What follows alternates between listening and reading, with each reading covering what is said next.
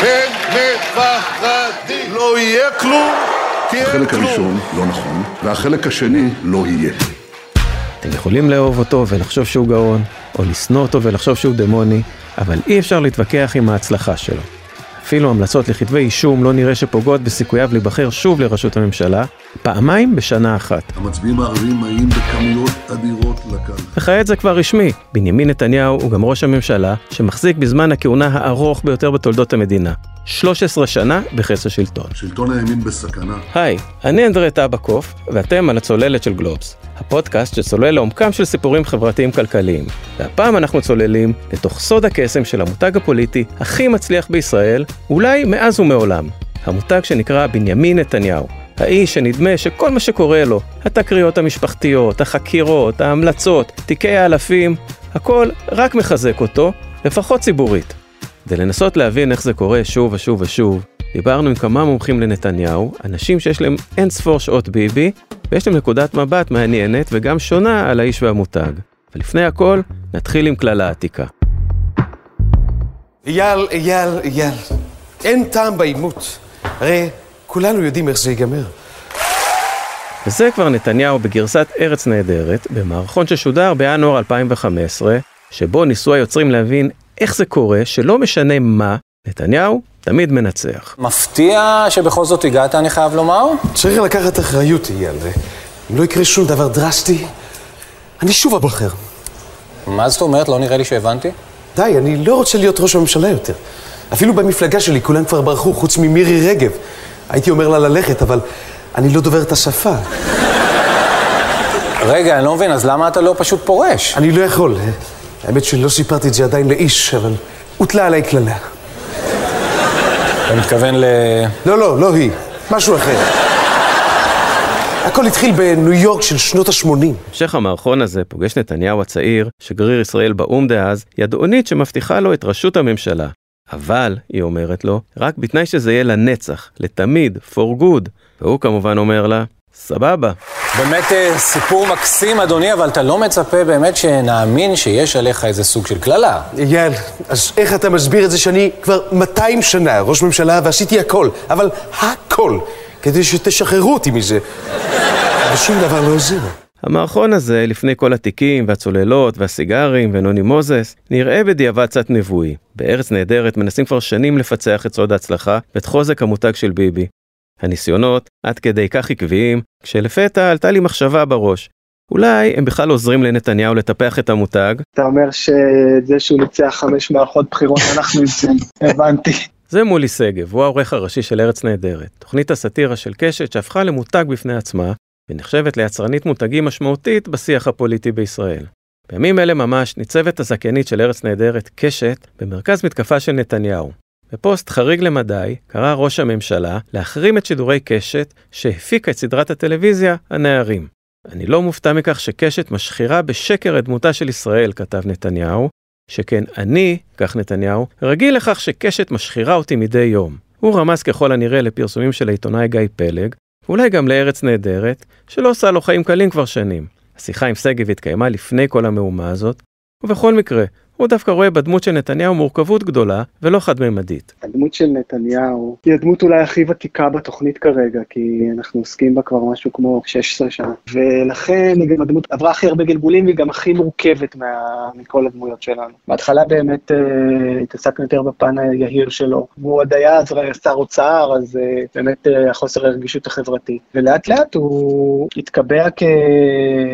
כמתמודד חזק, וגם כראש ממשלה שקשה מאוד אה, להתמודד איתו ולנצח אותו. בסאטירה, הסאבטקסט של הפוליטיקאים נחשף וגם המנגנון שמפעיל אותם, אבל הדמות של ביבי מורכבת. יש לו שני פנים. מצד אחד הוא אשף של אה, מניפולציות רגשיות. יש בו ממש צד ציני ואפל, ויש את זה לגמרי בדמות שלנו. לפעמים זה נראה גם שהחרדות האלה משתלטות עליו ומנהלות אותו, בעיקר ששרה בסביבה מכניסה אותו ללחץ, אה, שלא לומר פאניקה. מטבע הדברים, בסביבת נתניהו בקרב תומכיו, לא תמיד מתים על החיקויים בארץ נהדרת. יש כאלה שמבקרים אותנו, אגב, גם מימין וגם משמאל על הדמות שלו.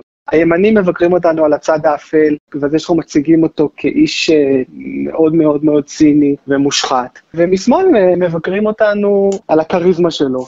השחקן שמשחק אותו מריאנו, יש לו טונות של כריזמה, ולביבי יש טונות של כריזמה. איך אומרים? מה ששלו שלו. כשהמצלמות נדלקות, הכריזמה שלו פועלת, והוא משדר מה שאף אחד מהמתחרים שלו לא מצליח לשדר, שזה ווינריות.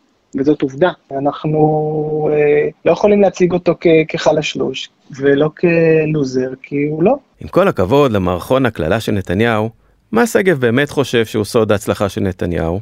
הפלגנות. הרי ביבי, לגילו, יכול להפוך לאבי האומה, אתה יודע, אישיות ממלכתית, כמו שהיה אריק שרון, אה, לפחות עד ההתנתקות. אבל ביבי בחר, במודע, להיבנות מהשסעים והקונפליקטים, ובגלל זה הוא נערץ באופן כמעט חסר תקדים על ידי חלק מהציבור, ושנוא באותה מידה על ידי החלק השני. וכאן אנחנו חוזרים לשאלה שלי שבהתחלה הקפיצה את שגב.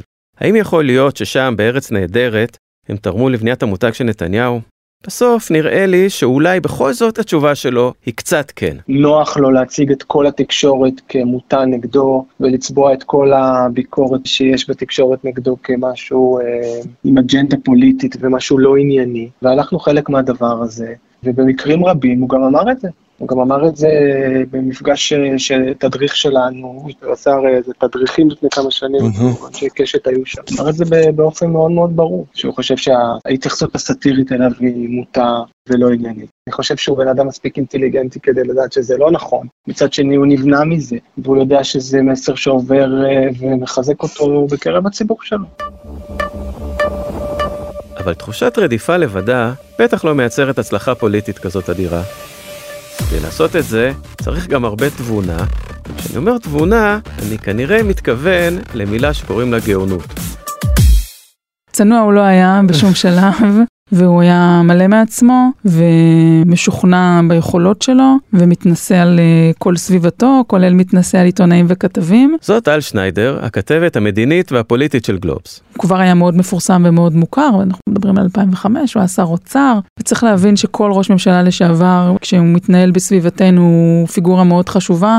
גם בישראל וגם בארצות הברית. בשנים של נתניהו אנחנו רואים שהוא ממש עד בואו של גנץ, הוא הצליח להעלים כל מועמד פוטנציאלי לראשות ממשלה. לזה היו שני היבטים. אחד היה לגרום תמיד למישהו, כשקצת מרים ראש בתוך הליכוד, לתת לו זפטה על הראש. זאת אומרת, מבחינה פוליטית לחסל כל מי שטיפה הצליח לתפוס בעין הציבור איזשהו מעמד. ראינו לאורך השנים, אה, סילבן שלום, גדעון סער בזמנו, המריבות בשנים האחרונות עם יולי אדלשטיין, יושב ראש הכנסת, ריבלין, שנשלח למדבר לפני שהצליח להיות נשיא המדינה נגד רצונו. זה בתוך הימין או בתוך הליכוד, עכשיו המאבק הוא כמובן עם איילת שקד שתופסת תאוצה, אבל כלפי הציבוריות התחיל בערך בין 2011 או 2012, מעין טקטיקה שבאה ואומרת, בעצם אין אף אחד שיכול להחליף אותי, רק אני מחזיק את הביטחון, רק אני מסוגל לעשות את כל הדברים בבת אחת, להיות גם שר חוץ, להיות גם שר ביטחון, להיות גם ראש ממשלה, וזה לא משהו שהציבור התחיל פתאום להגיד מעצמו. עכשיו הטיעון הזה התחיל להיות מטופטף ב-2011 כטקטיקה של מה שנקרא הקמפיין המתמשך. יש קמפיין בחירות, אבל יש בין המערכות, יש כל הזמן קמפיין כן, שצריך לנהל אותו. החיים הם קמפיין אחד גדול. כן, כן, אז uh, נתניהו גם אמן בתחום הזה של הקמפיין בין הקמפיינים, ושם התחילה אג'נדה מאוד מפורשת שבאה ואמרה שגם אם היו רוצים להחליף אותו, פשוט אין את מי. זה משהו פנימי, או שזה מסר חיצוני שמטופטף? או שיש בה אמונה אמיתית שרק אני יכול. זה התחיל כטיעון שתפס. היום, באופן טבעי, אחרי כל כך הרבה שנים, אני חושבת שנתניהו מאמין בזה בצורה מאוד עמוקה, שהוא המנהיג האולטימטיבי של המדינה ושאין לו תחליף. ויותר מזה, גם בקמפיין זה מתנהל עכשיו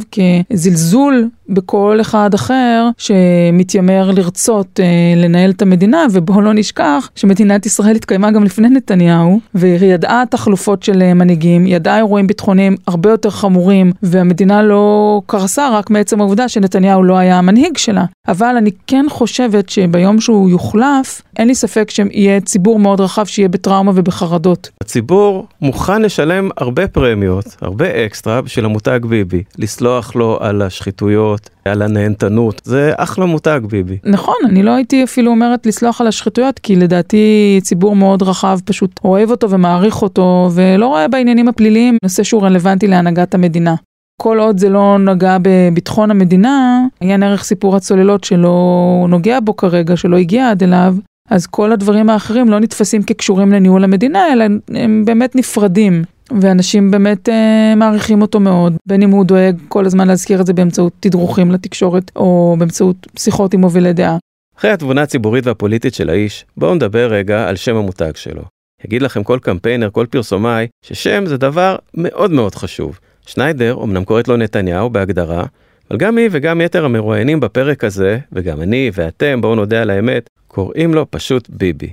האות האנגלית שחוזרת על עצמה פעמיים. כמה פשוט. כל כך פשוט שהשם הקליט ומשחק המילים על שמו של זמר הבלוז הנודע ביבי קינג כבר הפך גם לכותרת של מגזין טיים בשנת 2012 וגם לשמו של סרט תיעודי על נתניהו, סרט שמבקש בעצמו לפצח את תעלומת ההצלחה של האיש. אצל נתניהו יש את העניין של הקורבנות, כאילו איך בן אדם שהוא שיא האליטות, שהוא התחנך בארצות הברית, שהוא מולטי מיליונר, שהוא בן של פרופסור אשכנזי, איך הוא כאילו נהיה נציג האליטות. זה הבמאי דן שדור, שצפה באלפי שעות מסך של נתניהו כדי ליצור את הסרט התיעודי קינג ביבי, שמבוסס על קטעי ארכיון בכיכובו של ראש הממשלה. מתוך הצפייה המרובה הוא הבין מאיפה נולדה תחושת הנרדפות שסוחפת אחריה רבים כל כך. נראה לי שזה בין היתר, זה משהו ממש שקשור לביוגרפיה שלו, כלומר זה משהו שקשור לתחיות המסוימת של אבא שלו בישראל של פעם מול השמאל וגם מול הימין, כלומר גם בגין דחק אותו הצידה, והרגשי נחיתות מול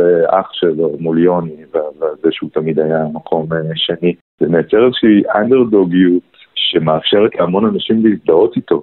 והוא מבין את הדבר הזה, הוא מגלם את האנדרדוגיות הזאת בתוכו, הוא מאפשר איזושהי הזדהות אה, אה, מאוד עמוקה, זה דבר שהוא לא בהכרח מתוכנן. יש פה איזושהי הבנה כמעט אינסטינקטיבית של ה-DNA הישראלי, שאני לא חושב שזה הכל מודע.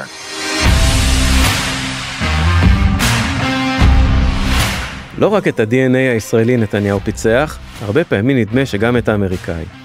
הוא הביא לנו את אמריקה, זה התחיל בפרשת הקלטת הלוהטת בפריימריז של הליכוד ב-93, שהזכירה קמפיינים שלא היו פה לפני כן. מה שיש פה זה דבר אישי, ביני, אם יש לי חוב, ויש לי חוב בעניין הזה, זה לאשתי, למשפחתי ולאף אחד אחר, עם כל הכבוד. והמשיך עם חשיפה בולטת של ילדיו ואשתו מול המצלמות, כשנבחר לראשות הממשלה. שר לבוי, אנחנו זזים מעלה. וכמובן המשיך עם האנגלית המצוחצחת ונאומים עם העזרים באו"ם. Red lines prevent war.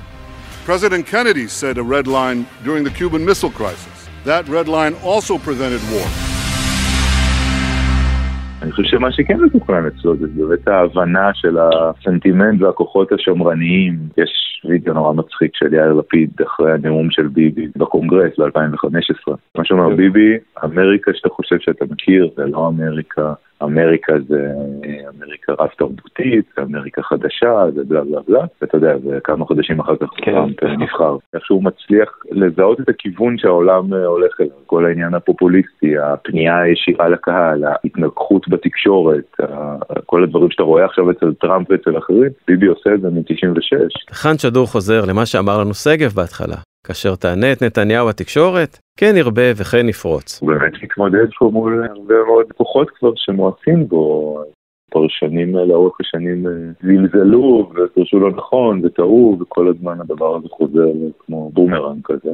יודע, יש את העניין של הפיד, וכל פעם שאתה רואה איזושהי אה, תנועה שמתחילה להספיד אותו, או נגיד כמו שהיה עם הרעיון עם קרן מרציאנו, רוב הפיד שלי זה וואו, הוא מזיע, הוא לחוץ. ברגע שאתה מסיג קצת את המבט ואתה מדבר עם אנשים אחרים, הוא היה מדהים, הוא היה זה, הוא היה כאילו חזק, הוא הראה לה, הוא... נתניהו לא סתם טוב בתקשורת, הוא בעל מיומנות גבוהה ביותר, שאפשר לנתח אותה ברמות הכי בסיסיות. אפשר גם להתאמן עליה, תנועות ידיים, קול, מסרים. דוקטור צפירה גרבלסקי ליכטמן, מהקריה האקדמית אונו והאוניברסיטה העברית, מסבירה לנו איך הוא עושה את זה.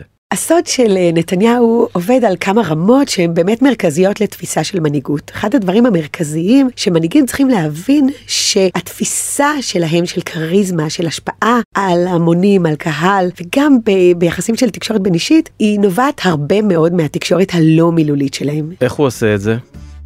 קודם כל הרעיון של הביטחון, אנחנו לעולם לא נרצה להישען על מישהו שאנחנו מרגישים שהוא יכול ליפול, זה גם בפתיחה של הכתפיים, זה גם בעמוד השדרה וזה גם במפרקים, זאת אומרת הכל מאוד פתוח וזקוף, גם ביציבה של הרגליים, מייצר איזושהי תחושה שהוא נטוע ככה עמוק באדמה ואי אפשר יהיה להזיז אותו מאוד בקלות. הכלכלה לא נבנית על ידי הממשלה, היא נבנית על ידי אנשים כמוכם. השימוש בידיים, זה נקרא בשפה המקצועית מחוות, זה הג'סטר, זה אותן תנועות ידיים שמלוות את הדיבור, והוא עושה את זה בצורה מאוד מאוד מאוד מאוד חכמה. הוא ממש מסביר את המושגים תוך שהוא מדגים אותם בתנועות הידיים. אז למשל, כששאלו אותו על התוכנית הכלכלית שלו, אז הוא אמר... עצירת הנפילה, סיבוב ונסיקה. הדגים ביד, רוב האנשים מהמחקר שאנחנו בדקנו לא יודעים מה זה נסיקה. ברגע שהוא אומר את המילה וגם מדגים אותה, היד מלמטה עולה למעלה, גם הבנו את המסר, גם רכשנו מושג חדש, וגם יש לנו איזושהי הערכה גם כלפיו,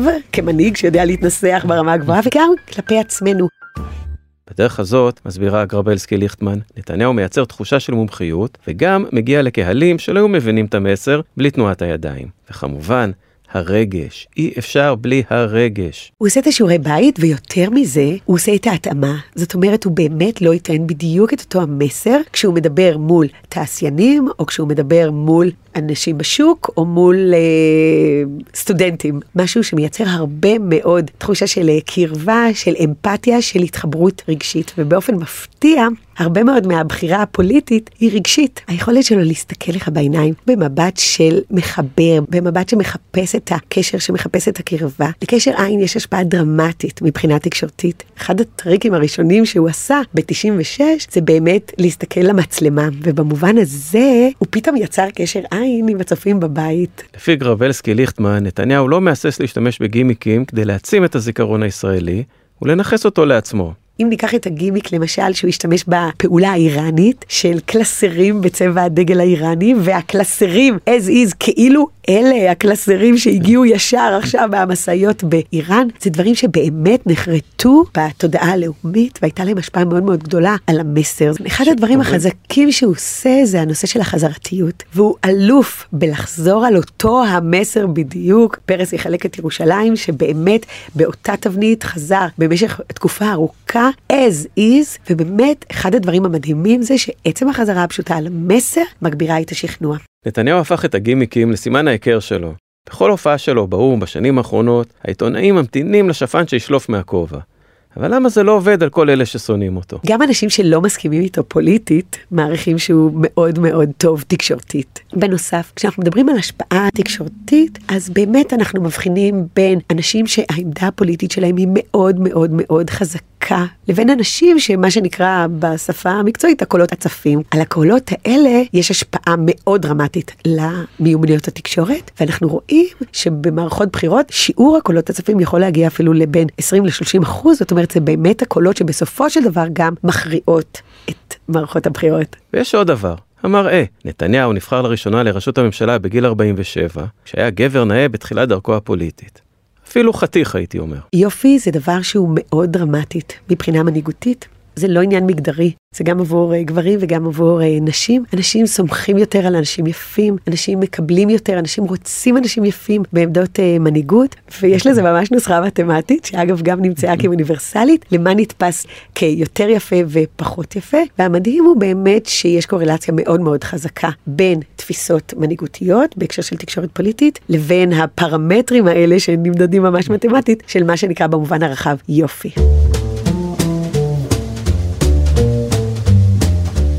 אוקיי, אז לכולנו ברור שנתניהו זוכה להערצה ואפילו סגידה. אבל אודליה כרמון, יועצת התקשורת הוותיקה שעבדה איתו פעמיים לאורך השנים, דווקא לא חושבת שזה קשור למראה שלו. הסגידה של העם נובעת בדיוק מהיתרונות שלו. יש לו מתנת אל, סוג של כריזמה ואינטליגנציה ואופקים נרחבים ויכולת להקסים שלמעטים יש. זאת אומרת שהאזרח הפשוט פותח את הטלוויזיה ורואה מנהיג שמייצג אותו בווירטואוזיות מילולית כזאת ובתקיפות כזאת, הוא אוכל את הפסאדה.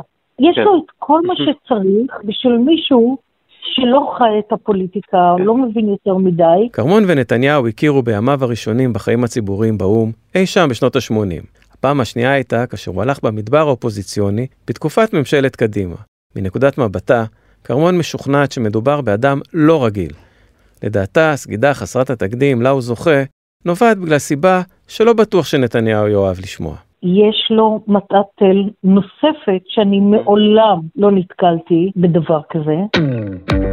הוא דיבה מולדת. איך הוא מרשה לעצמו להגיע באיחור של שעתיים לפגישה? איך הוא מרשה לעצמו להגיע לטיסה כשכבר מחממים מנועים ושיחכו לו? למה שלדון מוכן להמציא עיתון בשבילו? איך הוא מרשה לעצמו שבכל מצב יהיה איזה מולטי מיליונר, כולם משלמים עליו? אל מרלין מונרו התנהגו ככה, נכון? זה לא הדבר היחיד שכרמון מזהה שמשותף למונרו ונתניהו. אני זוכרת שקראתי עליה שהיא תמיד הייתה מאוד מלוכלכת ומסוממת ושיכורה, וכאילו מספרים שב-12 שהיו מצליחים לדחוף אותה לאמבטיה, הייתה באה ספרית והייתה באה מאפרת והיו שמים עליה את המכוך, ובשמונה בערב שג'ון קנדי היה דוחף בדלת, כבר היה את כל הפוזה של מרלין מונרו. כרמון כמובן לא מדברת על סמים, אבל כן על מצלמות. שיש מי שיגידו שגם הן סוג של סם. גם ביבי, מי שמכיר אותו באופן אישי, הוא בן אדם מאוד חרדתי ולא נעים. אבל בשנייה שנדלקות הטלוויזיות, הוא הופך להיות המגנט, בדיוק כמו מגלין מרוס. הוא נכנס לתפקיד שלו. ויש עוד אלמנט שכרמון מזהה בהצלחה של נתניהו, הכוח שלו שמרתיע את המתנגדים. וזה הקטע של ההתכופפות בפני הכוח. כל עוד הם מאמינים שהוא זה שמה שנקרא לשלטון נולד והמנדטים הם בזכותו, הם פשוט מתכופפים. אני הייתי איתו בתקופה שהוא נפל ב-2006, אז הדברים האלה לא קרו, ולדעתי בקרוב מאוד הם שוב לא יקרו. זאת אומרת, המערכת הפוליטית במהותה היא מאוד בוגדנית. במערכת הפוליטית כולם מתעבים אותו. גם המיליונרים, דרך אגב, כולם קיטרו עליו, כולם אמרו עליו, כולם, היה להם כעסים. אבל אני בטוחה שלמשל ברגע שהוא ייפול וזה יהיה כבר ברור שזה לא הולך להיות עוד פעם, הם ינטשו אותו.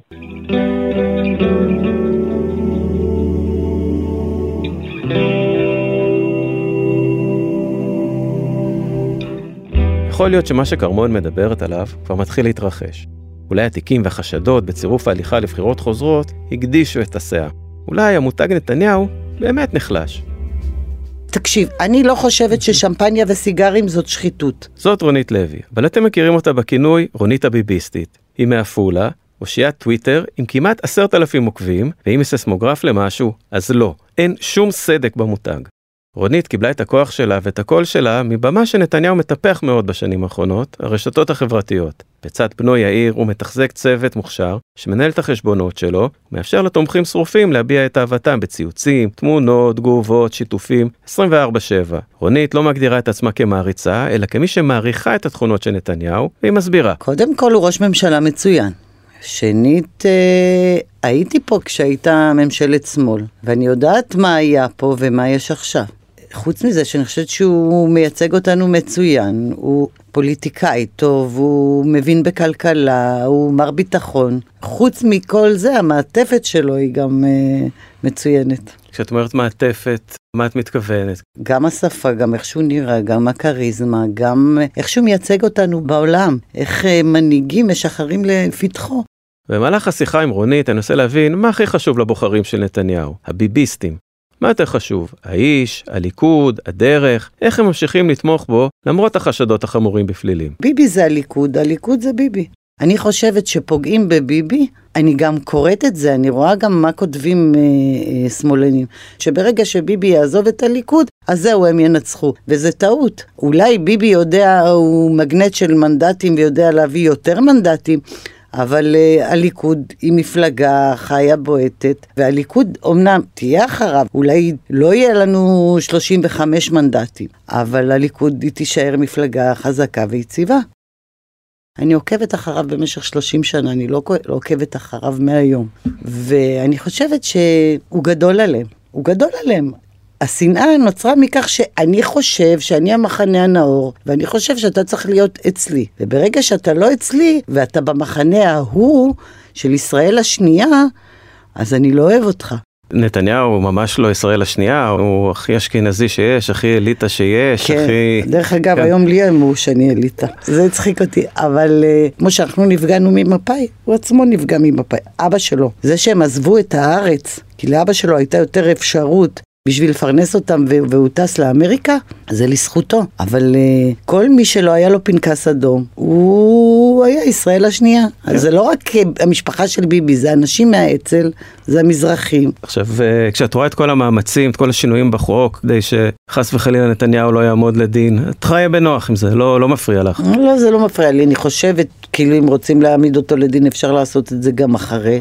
ההליך לא נקי. אני פעם השתוללתי או הפגנתי שידיחו את אה, אולמרט או שידיחו את שרון.